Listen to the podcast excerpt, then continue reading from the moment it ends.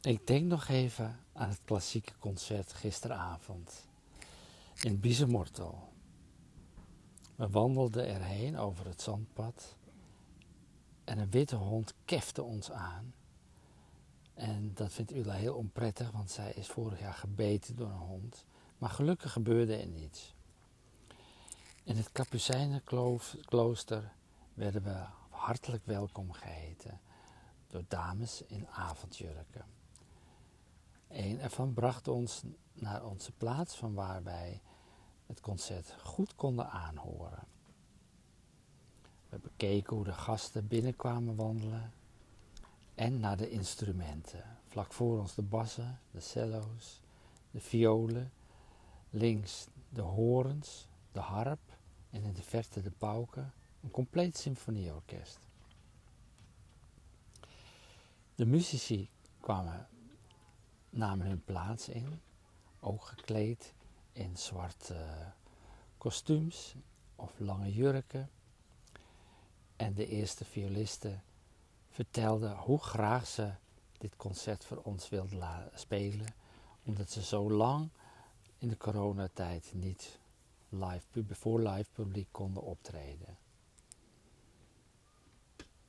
De dirigent kwam ook binnen en begonnen met een muziekstuk van Gabriel Fauré te spelen. Belias en Melisande. Dat begint heel zachtjes, begint dat te spelen. En dat is muziek waar je zo bij wegdroomt. Het tweede deel van het concert was van Dvorak, symfonie nummer 7. En dat is heel wat anders. Dat is een kabaal en het schettert door de zaal heen. Als je het zou moeten vergelijken, zou je kunnen zeggen: het eerste stuk zou je zo de natuur mee kunnen uitbeelden.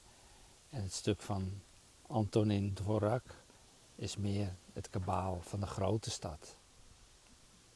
Maar beide stukken werden professioneel, perfect, heel mooi gespeeld. Heel mooi in samenklank met zachte delen en wat hardere delen van Dvorak natuurlijk. En de dirigent die begeleidde dat met veel vuur en elan. Na afloop van het concert kreeg het, het symfonieorkest Viotta dan ook een daverend applaus. Wij wandelden terug over het zandpad en tientallen meters al voordat we bij het hondje kwamen, begon ik tegen hem te praten.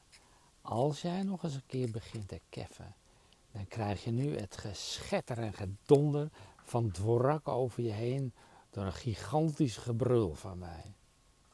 Het hondje gaf geen kik. En dan laat ik jullie nu een klein stukje horen van het prachtige concert wat wij gisteren hebben genoten.